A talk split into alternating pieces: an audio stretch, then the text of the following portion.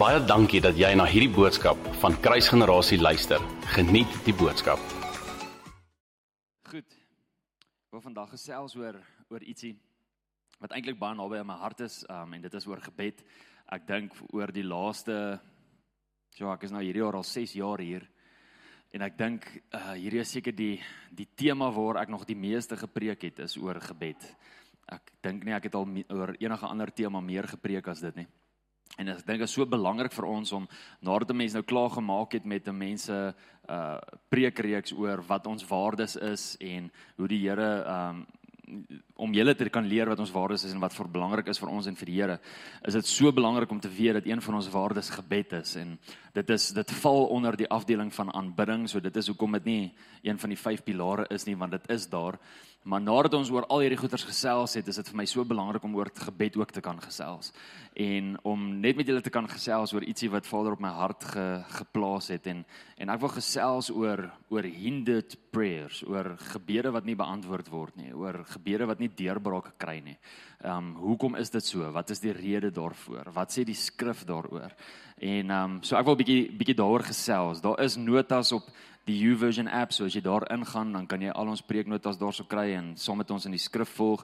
As jy nie die app het nie, gaan net gou op ons Facebook page en dan is daar 'n link wat jy net kan volg en maak hy vir jou al die skrifgedeeltes oop. So as dit vir jou voel ek gaan te vinnig deur die skrif, uh dit is vir jou daar op die app. So jy hoef nie jy hoef nie so te te voel nie. Nou, eerstens wil ek dalk net sê, dis dis eintlik 'n ongelooflike snaakse tema vir my om oor te kan gesels. Um in die eerste plek om te kan gesels oor hoekom gebede nie beantwoord word nie, want eersens moet ek dalk net verklaar dat die oomblik wanneer 'n mens in verhouding staan, oom Nik is lekker om oom te sien.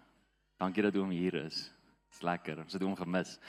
Die oomblik wanneer 'n mens gesels oor gebed, dan weet 'n mens dat gebed nie kan bestaan sonder Christus en sonder die kruis nie en dat juis as gevolg van die kruis dat die Here vir ons deure oopgemaak het sodat daar verhouding kan wees.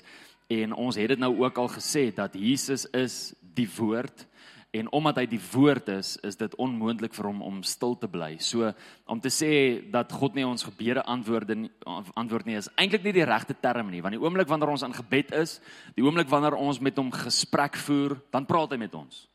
So dis nie dat daar nie antwoord is nie. Dis net partykeer dat daar nie deurbrok kom nie. En dis ook net partykeer dat ons nie die antwoord dalk hoor nie, maar die antwoord is daar, die gesprek is daar. Dit sal ongeskik wees van Jesus die oomblik wanneer jy met hom praat en hy jou antwoord, hy antwoord jou glad nie. Dis nie wie hy is nie. Dis nie sy karakter nie. Sy karakter is om met ons te gesels. So die oomblik wanneer ons hieroor gesels is is my hart nie om te sê dat luister Jesus praat nie partykeer met ons nie, glad nie. Hy praat die hele tyd met ons.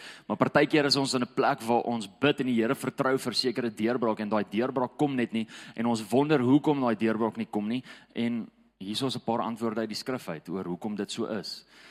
Nou ek wil ook net sê die volgende, ek gaan sewe goed noem hierdie sewe goed is nie die ultimate sewe dinge nie. Daar's meer redes en daar's nog nog goeters waaraan ons kan induik en daar's nog 'n hele paar goed wat ek kan opnoem, maar ek het net gevoel dat ek hier oor hierdie sewe wil wil gesels. Ehm um, wat wat ongelooflik belangrik is. En ehm um, die die grootste skrifvers oor gebed wat my gewoonlik laat skuldig voel. Ek weet nie hoe voel jy oor hierdie skrifgedeelte nie is in 1 Tessalonisense 5 vers 17 wat sê bid gedurig. Bid gedurig. Of eintlik sê hy in die ou Afrikaans bid sonder ophou. Die oomblik wanneer ek dit lees, dan kom ek agter, wow, bid sonder ophou. Ek ek ek het nou al opgehou bid. Um, ek is nou al so besig met my dag. Ek is nou al so besig met alles wat moet gebeur. Ek is nou al so oral dat ek ek, ek het nou al opgehou bid. So so hoe is hierdie moontlik? Bid sonder ophou. Jy sien dis moontlik die woord van God sal hierdie nooit vir ons sê as dit nie moontlik was om die heeltyd connected te wees met Heilige Gees en die heeltyd connected te wees met Jesus nie. As dit nie moontlik was nie, sou die woord nie vir ons gesê het bid sonder ophou nie.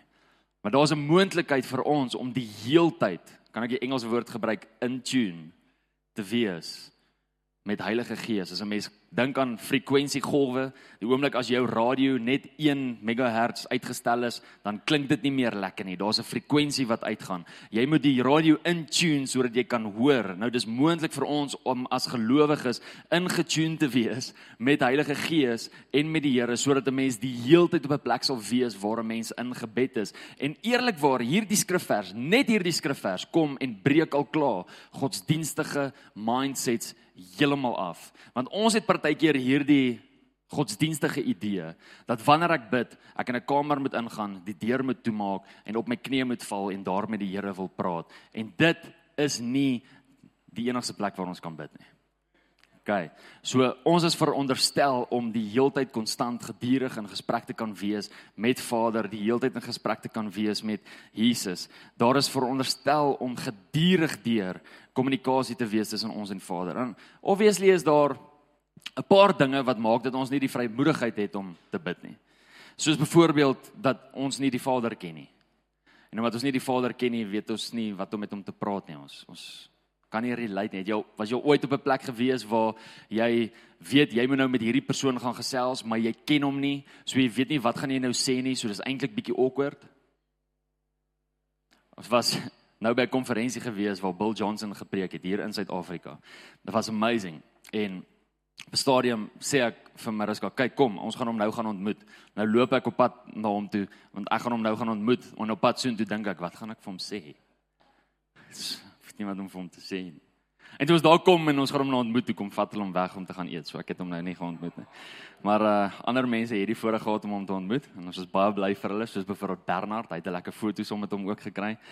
Nog 'n rede is ons weet nie hoe om te bid nie. Niemand het ons al ooit geleer nie. Ander rede is ons weet nie wat om te bid nie. Nou kan ek kan ek net vir vir julle sê dat hoe meer jy in God se teenwoordigheid is, hoe minder gaan jy weet wat om te bid.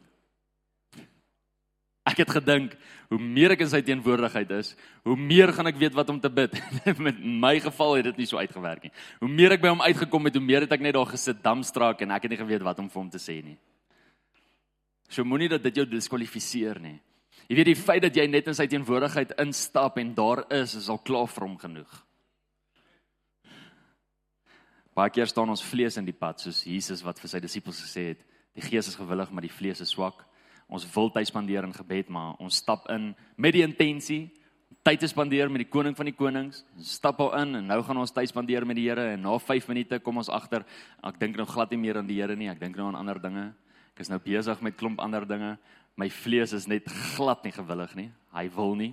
As ek 5 uur opstaan in die oggend, dan was dit so, die heel eerste keer as ek nou besluit, ek gaan nou 5 uur opstaan en ek gaan nou met die Here tyd spandeer, dan as ek so opgewonde, my wekker gaan 5 uur af. Partykeer as ek sommer voor my wekker wakker, ek vlieg daarop, maak my gereed, gaan daarin sonder om tande te borsel of om hare te kam want Jesus aanvaar my net so en ek spandeer met hom tyd en as ek weer sien weet ek nie meer wat om te sê nie of ek is op 'n ander plek of ek is te moeg om met hom te gesels.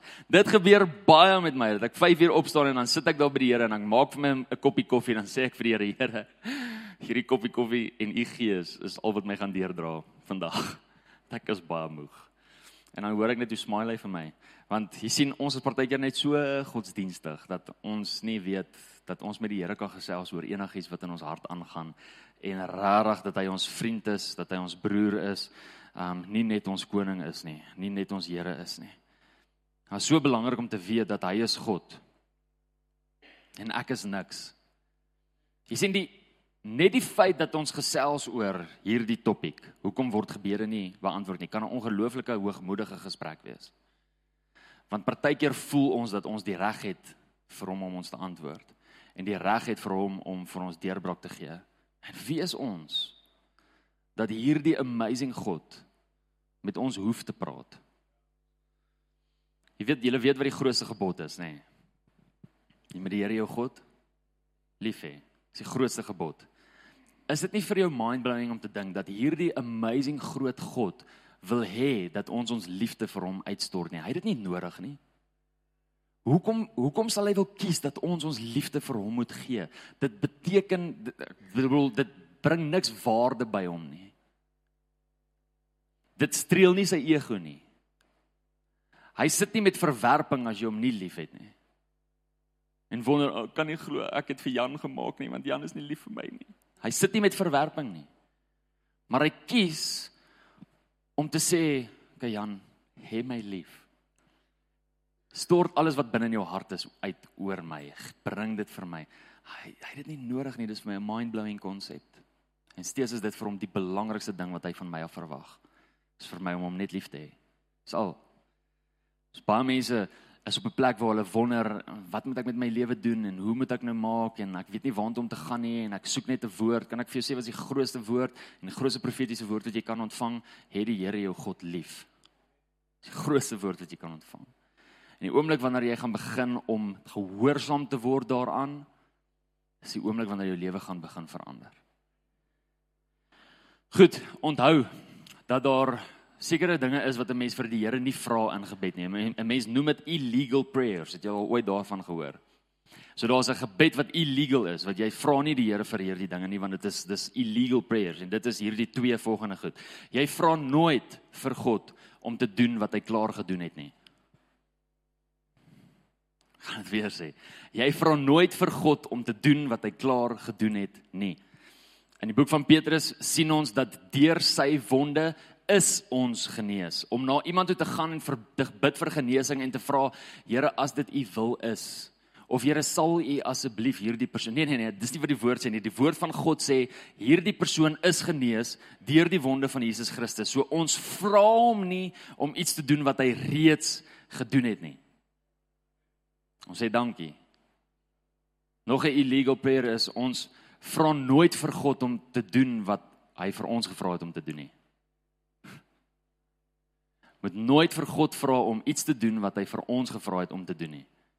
Soos byvoorbeeld, ag Here, sal U asseblief disippels maak? Ehm um, daai gebed kan nie bestaan nie. Want hy het vir ons gevra om disippels te maak. Jy kan nie daai gebed bid nie. Soos byvoorbeeld, ag Here, sal U asseblief vir die mense wat nie kos het nie kos gee? Um, hallo Baie mense bid so en ek is jammer as ek nou op die tone trap. Ek het ook so gebid, maar die Here het my kom reghelp. Sê Jan, sleg, ek sal vir jou geld gee en dan gaan gee jy vir die mense kos. Dis hoe die Here wil hê ons dit moet doen, nê. Nee. So, Ons vra nooit vir die Here om te doen wat hy klaar gedoen het nie en ons vra nooit vir die Here om te doen wat hy vir ons gevra het om te doen nie. Dit is die fondasie van gebed en dis die fondasie van elke een van ons gebedslewens. Onthou dit, skryf dit neer, maak 'n nota daarvan. Dit is iets wat ongelooflik belangrik moet wees vir elke een van ons. So kom ons gesels gou. Wat ek gaan doen is ek gaan sewe punte neem. Gee. Ek gaan skrif gee vir die sewe punte want kom ons wees eerlik, my opinie beteken nie regtig baie nie. Uh my opinie gaan nie jou lewe verander nie, maar die skrif van God gaan jou lewe verander. So wat ek gaan doen is, is ek gaan die die punt gee en ek gaan die skrif gee en ek gaan toelaat dat Heilige Gees met jou hart praat. So dit is bietjie anders. Partykeer verduidelik ons ongelooflik baie oor een skrifgie. Nou gaan ons klein bietjie verduidelik en ons gaan die skrif die meeste van die verduideliking doen. Is julle reg vir dit? Goed, hier gaan ons. So die eerste rede hoekom gebede nie beantwoord word nie of hoekom ons nie deurbraak kry in gebed nie, is eintlik een van die mees simpelste en straightforward antwoorde en dit is die volgende: want daar word nie gebid nie. Het jy geweet dat jy nie gaan kry as jy nie vra nie? Een van my mentors het altyd vir my gesê, "Jan, jy het klaar 'n nee. Gaan vra net." Jy het klaar nee. Gaan vra net. Kom ek verduidelik dit. Die oomblik wanneer jy iemand kom ons sê byvoorbeeld, ek het 'n baas. Ek moet op verlof gaan. Nou moet ek vir my baas gaan vra of ek op verlof kan gaan. OK? As ek hom nie vra nie, kan ek nie op verlof gaan nie, so ek het klaar 'n nee. Maar nou gaan ek na hom toe en nou vra ek hom, al wat hy vir my kan gee, is 'n ja. Hy kan nie vir my 'n nee gee nie, ek het dit klaar.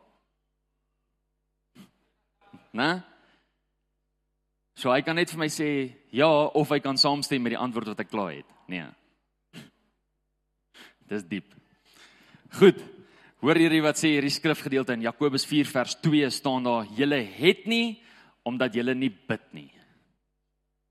Julle het nie omdat jy nie bid nie. Hoe sal ons lewens lyk as ons begin bid? Wat sal ons alles hê as ons begin vra? As ons kyk na ons lewens en as ons in ons eie lewens op enige plek 'n tekort kan pinpoint, moet ons onsself die vraag afvra, het ek al daaroor gebid? Dis die eerste plek waar ek moet begin. Want hierdie is seker een van die grootste redes. Die rede hoekom ek dit nie het nie is omdat ek nog nie daaroor gebid het nie. Julle het nie omdat julle nie bid nie. Dit was die eerste een. Die tweede een. Dit gaan oor my en nie oor hom nie. Dit gaan oor my, die gebed gaan oor my. En dit gaan nie oor hom nie. Jakobus 4 vers 3, net die vers hierna sê julle bid en julle ontvang nie. Wie kan relate daarmee? Julle bid en julle ontvang nie omdat julle verkeerd bid omdat dit in julle wel is te deur te bring. Met ander woorde, ons bid volgens ons wel is. Ons bid volgens ons las. Ons bid volgens ons verkeerde begeertes. Ons bid volgens wat vir ons belangrik is.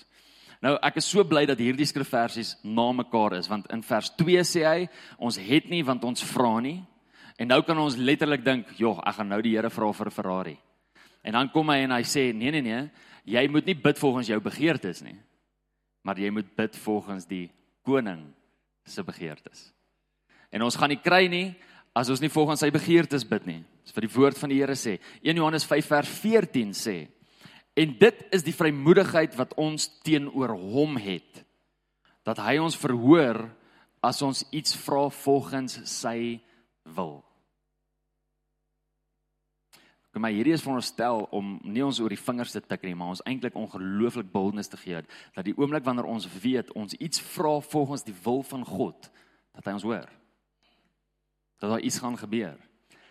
Volgens die skrif is daar dan onmoontlik, dis onmoontlik dat enigiets dit is dat daar niks kan gebeur as ons iets vra volgens sy wil nie. As ons iets vra volgens sy wil, moet daar iets gebeur.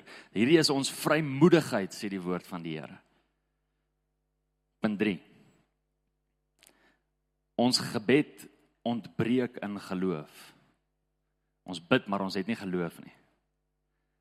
Ons bid maar ons glo nie.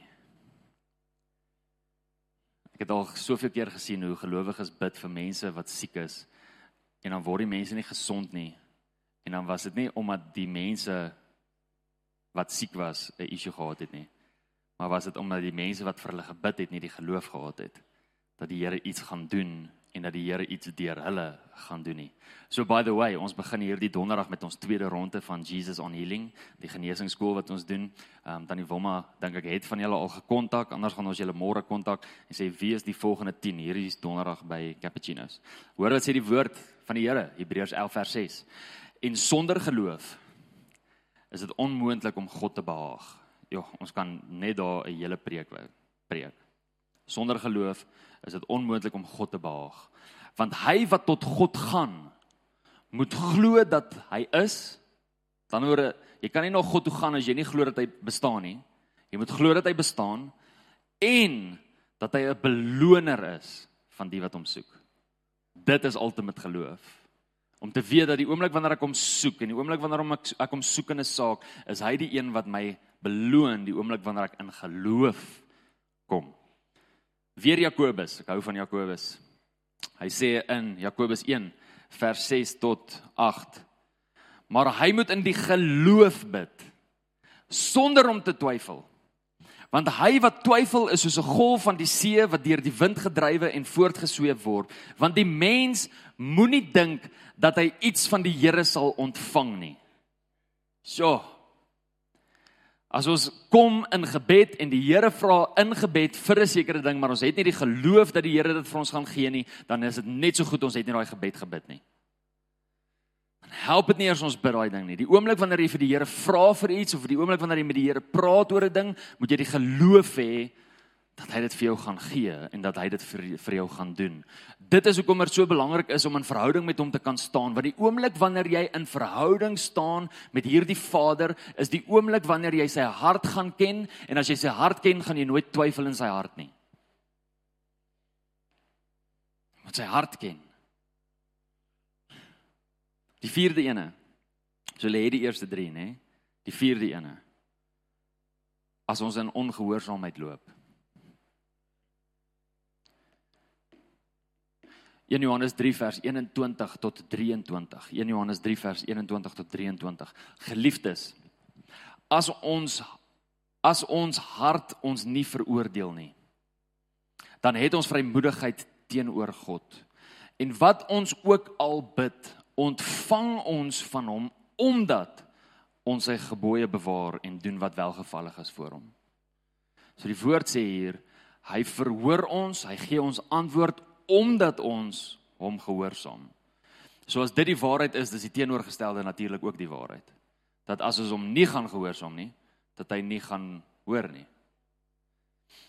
Paul, uh, Paulus, skus, Dawid skryf in Psalm 66 vers 18 sê hy die volgende, hy sê as ek ongeregtigheid bedoel het in my hart, sou die Here nie gehoor het nie. Wat sê wat sê Dawid hier? Hy sê die volgende, hy sê nie as ek gesondig het, gaan die Here my nie hoor nie. Glad nie, want die woord van die Here sê enigiemand wat uitroep na hom toe die Here sal hom verhoor en kom en hom roep. Dis wat die woord van die Here sê. So hy praat nie van ek het nou gesondig en nou roep ek na die Here en nou red hy my nie. Dit is nie wat die woord hier sê nie. Wat wat Dawid hier sê is die oomblik wanneer ek sonde in my hart hou. Daar's iets wat ek doen, ek weet dit is verkeerd, ek weet ek mag dit nie doen nie, maar ek hou aan om dit te doen en dis die heeltyd hier binne in my, dan gaan die Here nie luister na my gebede nie. Want dis rebellie. Jy sien want die oomblik wanneer ek sonde kies, kies ek nie God nie.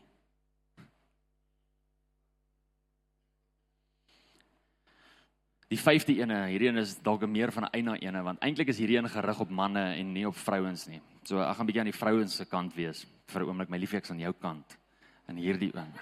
Hoor wat sê hy? Nommer 5 is oneer in die huwelik. Oneer in die huwelik. 1 Petrus 3 vers 7 sê Net so moet julle manne verstandig met hulle saamlewe. Okay, nou daai het ons klaar die wysheid van die Here nodig, net om verstandig saam met ons vrouens te kan lewe.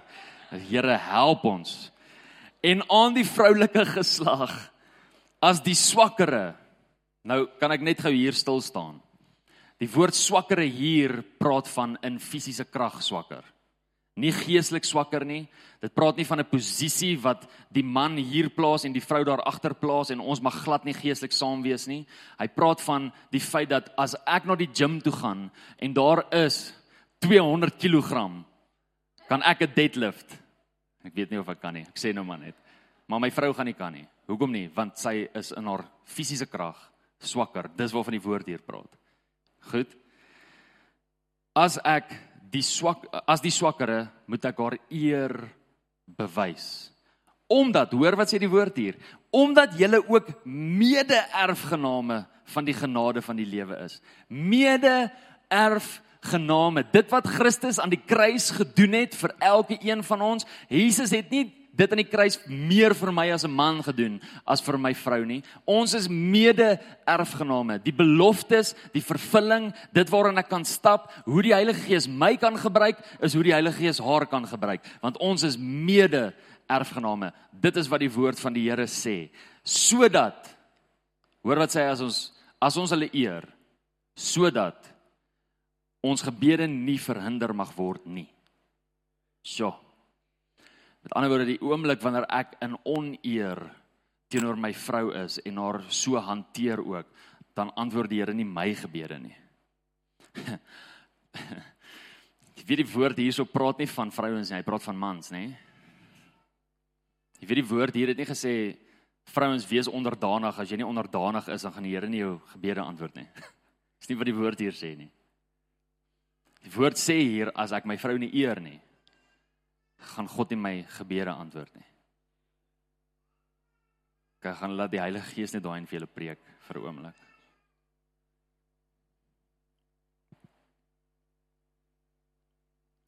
En sês.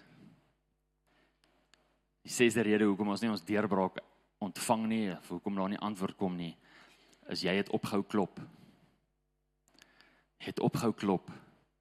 Jy weet in Lukas 11 kom Jesus in ons ons ken die onsse Vader as in Matteus 6, maar in Lukas 11 kom Jesus en hy gee vir hulle die onsse Vader of Lukas kom en hy skryf die gedeelte waar Jesus met die disippels praat oor die onsse Vader. En dit is eintlik so amazing want net na dit net nadat Jesus sy disippels die onsse Vader leer hierdie gebed leer in Lukas 11 kom hy en hy vertel vir hulle hy gee vir hulle 'n gelykenis in vers 5 gelykenis van 'n vriend wat vriende oorgekry het sonder dat hy dit verwag het en nie genoeg kos gehad het in sy huis nie en in die middernag na sy vriend sy buurman toe toe loop en klop en vir hom vra het jy asseblief my brood wat ek kan deel met hierdie mense wat by my kom kuier het? En dan sê daai persoon ek is klaar aan ek is klaar skus ek is klaar my nagklere ek is klaar in die bed. My kinders slaap al En dan hou hierdie vriend aanhou klop. Asseblief, het jy nie vir my brood wat ek het vir my vriend en dan sê hierdie persoon die volgende: "Laat ek eerder hierdie persoon help as wat hy met die hele aand wakker hou." Dis die woord wat die Here hier sê. Hy praat hier, dis 'n gelykenis van gebed. Dat die oomblik wanneer ons kom en ons klop en dit word nie oopgemaak nie, dat ons nie sal huis toe gaan nie, maar dat ons sal aanhou klop want ons het brood nodig vir die mense wat saam met ons is. Daar's nog 'n gelykenis wat soortgelyk is in Lukas 18 vanaf vers 1 tot 8. Lukas 18 vanaf vers 1 tot tot 8. Sê, hoorie, hy begin so, sê en hy het ook aan hulle 'n gelykenis vertel met die oog daarop dat 'n mens gedurig moet bid en nie moedeloos moet word nie. Sjoe. Dis hoekom hierdie gelykenis vertel het. Vertel is sodat ons gedurig sal bid en nie sal moedeloos word nie. En dan gee hy hierdie gelykenis van hierdie vrou wat na 'n regter toe gaan sodat sy 'n regspraak kan hê. Dit preek is vir 'n ander dag, so baie goeie preek daai. En dat hierdie regter kom en hierdie regter sê, "Laat ek tog net vir haar 'n regspraak gee want anders gaan sy met die hele aand wakker raak." Jy sien ons ons het nie, ons kry nie antwoord nie want ons hou op klop. Want ons dink ons het nou een keer gevra, so as ons nou een keer gevra het, dan moet die Here ons nou vir ons antwoord gee. Dan moet hy dan dan moet ons nou deurbrok wees. Hou aan vra. Dan die sewende ene waarby ek so klein dalk ek weet nie of ek gaan stil staan by ons sal nou sien. Die sewende rede hoekom daar nie deurbraak of antwoord in gebed kom nie is as gevolg van demoniese werke. Dit is as gevolg van die feit dat die vyand die antwoord en die deurbraak keer om te kom. Daniël 10 vanaf vers 8 tot 13. Daniël 10 vanaf vers 8 tot 13. Ek wil hierdie lees. Kan ek dit maar lees? Toe het ek alleen, so hy vertel al van voor dit van hierdie visie wat hy het, hierdie gesig van wat hy het van eerstens waar die seun van die mens Jesus voor hom staan en tweedens waar daar dan 'n engel is wat met hom praat.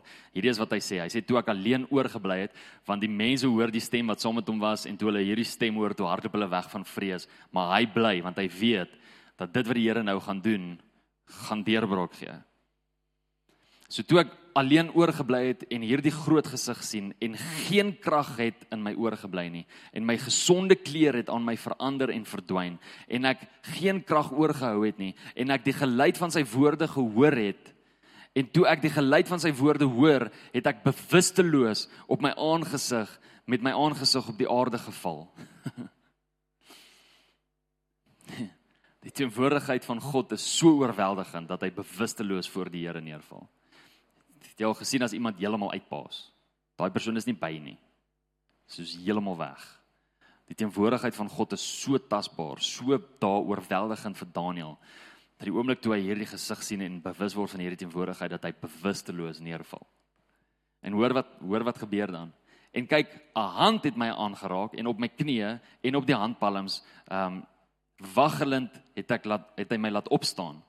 En hy het vir my gesê, "Daniël, geliefde man, gee ag op die woorde wat ek met jou spreek. Ek gaan staan ekskuus en gaan staan op jou staanplek want ek is na jou toe gestuur. En terwyl hy hierdie woorde met my spreek, het ek bewende gaan staan. Here is besig met Daniël. Hy het eers bewusteloos neergeval, dan kom die engel en raak sy handpalms in sy knie aan en sê vir hom staan. Nou staan hy daar, maar terwyl die woord nog steeds terwyl hierdie engel met hom praat, staan hy nog steeds in bewe.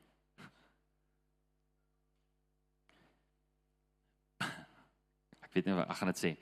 Partykeer gebeur daar iets waar die Here iemand aanraak binne in ons familie of binne in by 'n ander kerk en hierdie heerlikheid van die Here maak dat hierdie persoon optree soos wat ons nie gewoond is nie, soos met Daniël. As as Daniël letterlik nou hier gestaan het en hy het hierdie gesig gesien en hy het bewusteloos hier neergeval en ewe skielik staan hy op, maar hy staan in bewe, hy staan in skud.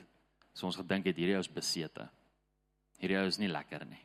En eintlik is die Here net besig met hom. Pas op om die verkeerde aannames te maak. Dankie my liefie. Jy is my eister. So sê hy vir my, wees nie bevrees nie Daniel, want die eerste dag van die eerste dag af dat jy jou hart daarop gerig het om ag te gee en jou voor die aangesig van jou God te verootmoedig, is jou woorde gehoor. So wanneer het God die woorde van Daniel gehoor toe hy gebid het? Die eerste dag. Van die eerste dag wat Daniel gebid het, het die Here hom gehoor. En om jou woorde ontwil het ek gekom. Sjoe, Here, mag U kom as gevolg van ons woorde. As gevolg van ons gebede mag U kom en opdaag. Maar die vors van die koninkryk van die Perse het 21 dae lank teenoor my gestaan. En kyk Michael, een van die vernaamste vorste, het gekom om my te help. En ek het daar oorgebly by die konings van Perse.